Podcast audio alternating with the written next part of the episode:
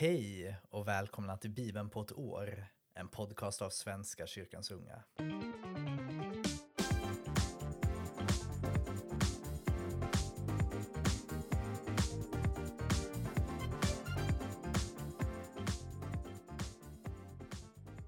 Vi ber.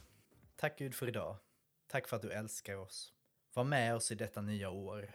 Ge oss kraft och mod att stå upp för det goda. Stå upp för din kärlek, Gud. Låt glädjen och kärleken från dig sprida sig. Låt oss människor finna hopp, glädje, styrka, kärlek i dig, Gud. Var med i dagens bibelläsning. Ge oss någon insikt som vi kan ta med oss från dagens bibelläsning. Något vi kan gå och tänka på under dagen. Hjälp oss med det. I Jesu namn. Amen. Ja, hörni. Då börjar vi i Andra Kungaboken, kapitel 6, vers 1 till kapitel 7, vers 20. Profeterna sade till Elisha Huset där vi samlas omkring dig är för trångt för oss.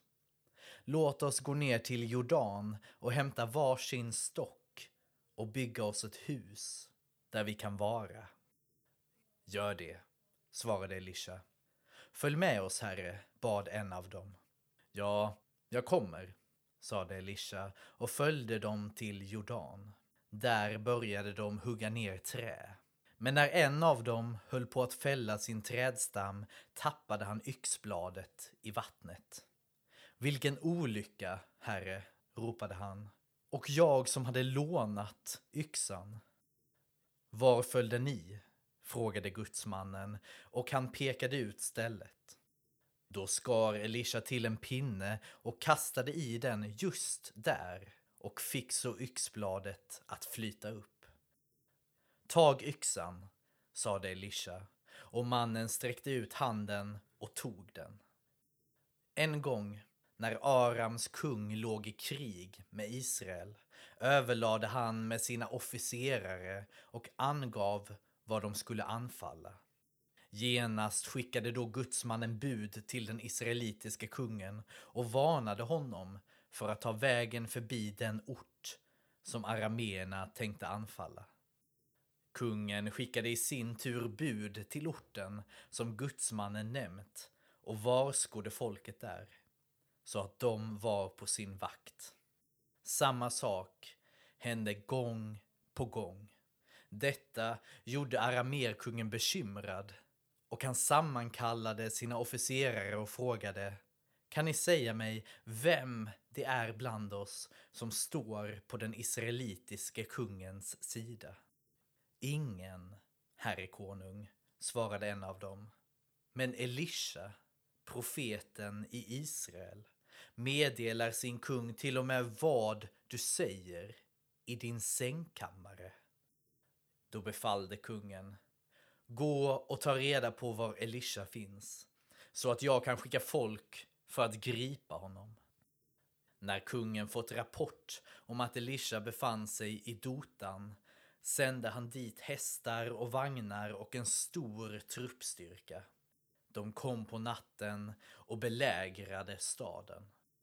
På morgonen, då gudsmannens tjänare kom ut, fick han se att staden var omringad av en truppstyrka med hästar och vagnar. Ack, herre, vad ska vi ta oss till? ropade han. Elisha svarade, var inte rädd. Det är fler på vår sida än på deras. Och han bad, Herre, öppna hans ögon så att han ser. Då öppnade Herren tjänarens ögon och han såg att berget var fullt av hästar och vagnar av eld kring Elisha. När arameerna ryckte an bad Elisha till Herren, slå detta folk med blindhet. Och Herren slog dem med blindhet som Elisha hade bett. Det är inte den här vägen och inte den här staden, sade Elisha till dem.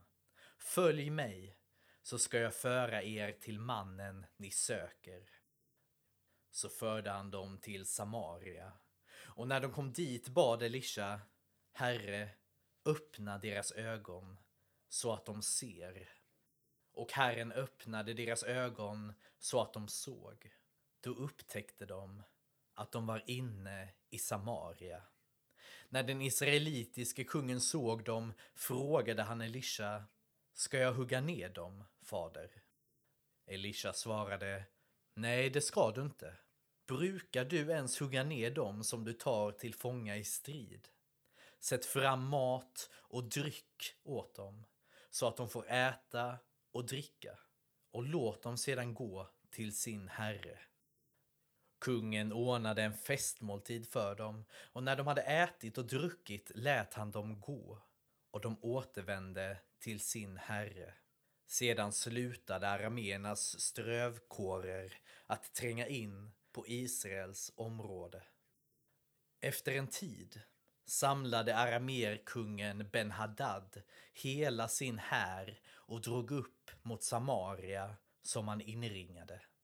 Under belägringen blev hungersnöden så stor i staden att man till sist fick betala 80 siklar silver för ett åsnehuvud och fem siklar för en halv liter duvspillning. En dag när Israels kung kom gående uppe på stadsmuren ropade en kvinna Hjälp mig, min herre och konung. Kungen svarade henne Nej, Herren får hjälpa dig. Var skulle jag hämta hjälpen? Från tröskplatsen eller från vinpressen? Sedan frågade kungen Vad gäller saken? Hon svarade Kvinnan här sade Vi tar din son och äter honom idag så äter vi min imorgon. Vi kokade min son och åt, men dagen därpå när jag sade nu tar vi din son och äter honom, då hade hon gömt undan honom. När kungen hörde hennes ord rev han sönder sina kläder och medan han gick vidare upp på muren kunde folket se att han bar säcktyg närmast kroppen. Och han sade, Gud må straffa mig, nu och framgent om Elisha, Shafats son, får behålla sitt huvud dagen ut. Elisha satt hemma i sitt hus tillsammans med de äldste. Kungen skickade dit en man, men innan han var framme sade Elisha till de äldste. Ni ska veta att den där mördaren har skickat hit en man för att hugga huvudet av mig. Se till att dörren är stängd för honom när han kommer och håll igen den så att han inte slipper in. Hör ni inte redan hans herres steg bakom honom? Innan Elisha hade talat färdigt var kungen framme hos honom och sade Denna olycka kommer från Herren. Vad har jag då längre att hoppas av honom? Elisha sade Lyssna till Herrens ord. Så säger Herren. Imorgon ska man vid stadsporten i Samaria få ett mått siktat mjöl eller två mått korn för en sikel. Då sade kungens adjutant om så Herren gjorde fönster på himlen skulle detta inte kunna hända. Du ska få se det med egna ögon, sade Elisha, men du kommer aldrig att äta av det mjölet. Utanför stadsporten satt fyra spetälska och talade med varandra. Varför ska vi sitta här och vänta på att dö? sade de. Bestämmer vi oss för att gå in i staden kommer vi att dö. Där härjar svälten. Stannar vi här dör vi då också. Vi kan lika gärna gå över till arameerna. Låter de oss leva så får vi leva och dödar de oss så dör vi. I skymningen började de gå bort mot arameernas läger, men när de var framme vid utkanten av lägret fanns det inte en människa där. Herren hade låtit ett dån höras i arameernas läger, ett dån av vagnar och hästar, ett dån som från en stor här. Ryktet hade gått bland arameerna. Israels kung har värvat hetiterkungarna och kungarna i Musri för att angripa oss. Och så hade de brutit upp i skymningen och flytt. Tält, hästar och åsnor hade de låtit vara kvar. De hade lämnat lägret, som det stod, och flytt för livet. När nu de fyra spetälska kom fram till utkanten av lägret gick de in i ett av tälten och åt och drack. De tog med sig silver och guld och kläder och gick bort och gömde det.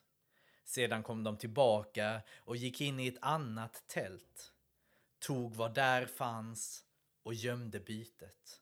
Men då sade de till varandra, det här är inte rätt. Här har vi stora nyheter och så behåller vi dem för oss själva. Om vi väntar till imorgon bitti drar vi skuld över oss. Kom, så går vi till kungens palats och berättar det. De kom fram till stadsporten och kallade på vakterna och berättade för dem. Vi har varit inne i aramenas läger. Men inte en människa syntes eller hördes där. Hästar och åsnor stod bundna och tältet hade lämnats precis som det var. Vakterna skickade meddelandet vidare till kungens palats. Kungen steg upp mitt i natten och sade till sina män Jag ska tala om för er vad arameerna är i färd med. De vet att vi är utsvultna. Nu har de lämnat lägret och gömt sig häromkring för att locka ut oss och fånga oss levande och sedan tränga in i staden. En av kungens män sade Låt oss ta fem av hästarna som vi har kvar i staden. Får de bli kvar här går det ändå med dem som med alla de israeliter som redan har dukat under. Och så skickar vi ut folk och ser efter. Man spände för två vagnar och kungen gav order att man skulle köra ut och se efter var den arameiska hären hade blivit av. De gav sig av och följde efter arameerna ända till Jordan. Och längs hela vägen låg det fullt med kläder och utrustning som arameerna hade slängt ifrån sig under sin brådstörtade flykt. De utskickade återvände och rapporterade för kungen. Då drog folket ut och plundrade aramenas läger.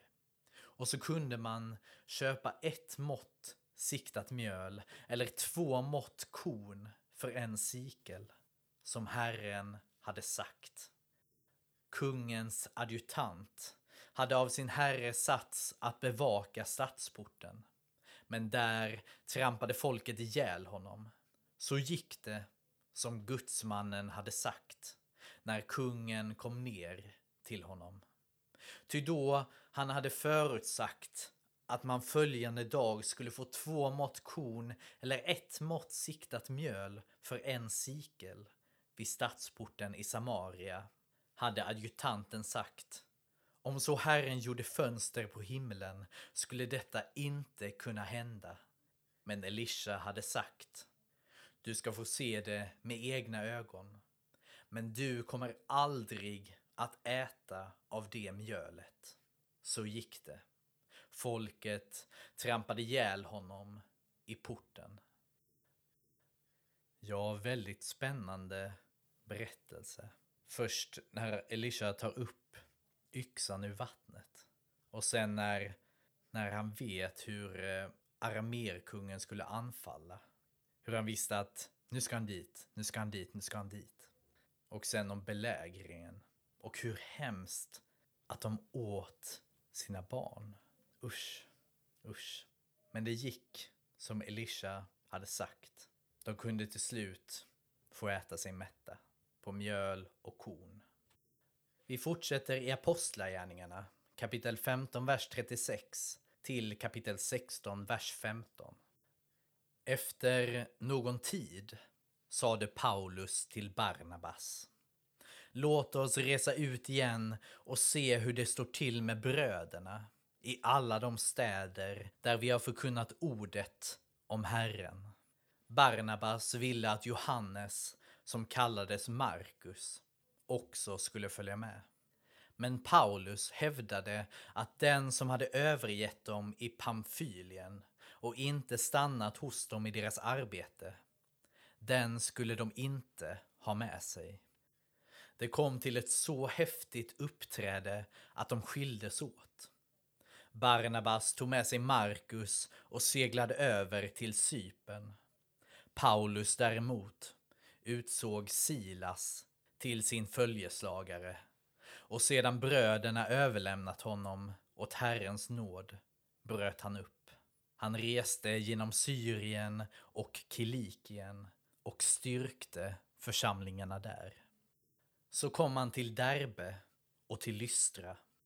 Där fanns en lärjunge som hette Timoteus, vars mor var kristen judinna medan fadern var grek. Han hade gott namn om sig bland bröderna i Lystra och Ikonion. Denne eh, Timoteos ville Paulus ha med sig på resan och med hänsyn till judarna i de trakterna tog han och omskar honom. Alla kände ju till att hans far var grek. De reste från stad till stad och meddelade bröderna de föreskrifter som apostlarna och de äldste i Jerusalem hade utfärdat och som man skulle iaktta. Församlingarna befästes i tron och fick för var dag allt fler medlemmar. De tog sedan vägen genom Frygien och Galatien eftersom den heliga anden hindrade dem från att förkunna ordet i Asien. När de hade nått Mysien ville de bege sig till Betynien, men det tillät inte Jesu ande. Då gick de genom Mysien och kom till Troas. På natten hade Paulus en syn. En makedonier stod där och bad honom. Kom över till Makedonien och hjälp oss. När han hade haft denna syn försökte vi genast ta oss till Makedonien. Ty vi förstod att Gud hade kallat oss att förkunna evangeliet där. Vi lade alltså ut från Troas och seglade rakt över till Samotrake och nästa dag till Neapolis. Därifrån fortsatte vi till Filippi, en stad som ligger i första makedoniska distriktet och är en romersk koloni. Där stannade vi några dagar. På sabbaten gick vi ut genom stadsporten och ner till en flod där vi trodde att det skulle finnas ett böneställe. Vi satte oss där och talade till de kvinnor som hade samlats. En av dem hette Lydia. Hon var från Thyatira och handlade med purpurtyger och hon hörde till de gudfruktiga. När hon nu lyssnade öppnade Herren hennes hjärta så att hon tog till sig det som Paulus sade. Hon och alla i hennes hus blev döpta. Och sedan bad hon oss när ni nu har blivit övertygade om att jag tror på Herren, kom då och bo hos mig. Och hon gav sig inte. Ja, intressant att se också hur de tänkte gå dit, de tänkte gå dit, men den heliga anden sa att nej, dit ska ni inte gå. Dit ska ni inte gå. Jag tänker det är intressant ändå ibland när man känner, när man känner den här magkänslan kanske att det här känns inte bra. Eller jag borde göra det här istället för det här. Då kan det ju faktiskt vara att den heliga anden vill säga någonting. Man ska ju såklart alltid testa det mot evangeliet går det i kärlekens spår. Men jag tror Gud ofta pratar med oss mycket mer än vad vi tror och tänker. Men ofta så tänker vi att nej, det där är bara en magkänsla eller nej, det där är nervositet eller nej, det där är, det där är bara slumpen. Det där var tur. Och det kan vara så. Men ibland kanske det är mer än så.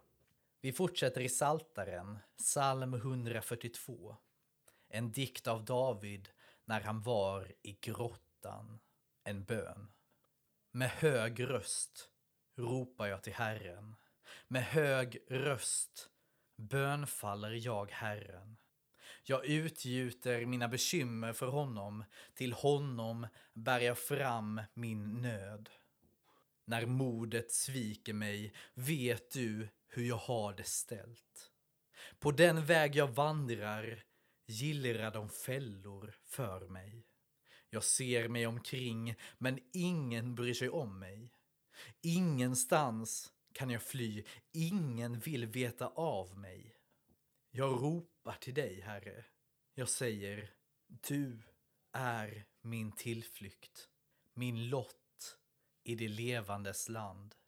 Lyssna till min klagan, ty jag står utan hjälp. Rädda mig från förföljarna, ty de är starkare än jag. För mig ut ur mitt fängelse, så att jag kan prisa ditt namn. De rättfärdiga samlas kring mig, ty du är god mot mig. Och vi avslutar i Ordspråksboken, kapitel 17, vers 24 till 25. Den kloke har visheten för ögonen. Dåren spanar mot världens ände. En dåraktig son får sin far att grämas och bedrövar henne som fött honom. Det var allt för idag, kära vänner. Ha det fint, Guds frid. Vi hörs och ses. Hej då. Har träffats varje år sedan 1993 Nu ska vi bli starkare om vi får be Nu ska vi fira, vi är 30 år, kyrkans unga. Har samlats för att sjunga. Nu ska vi fira, tiden har varit svår. Men tänk att vi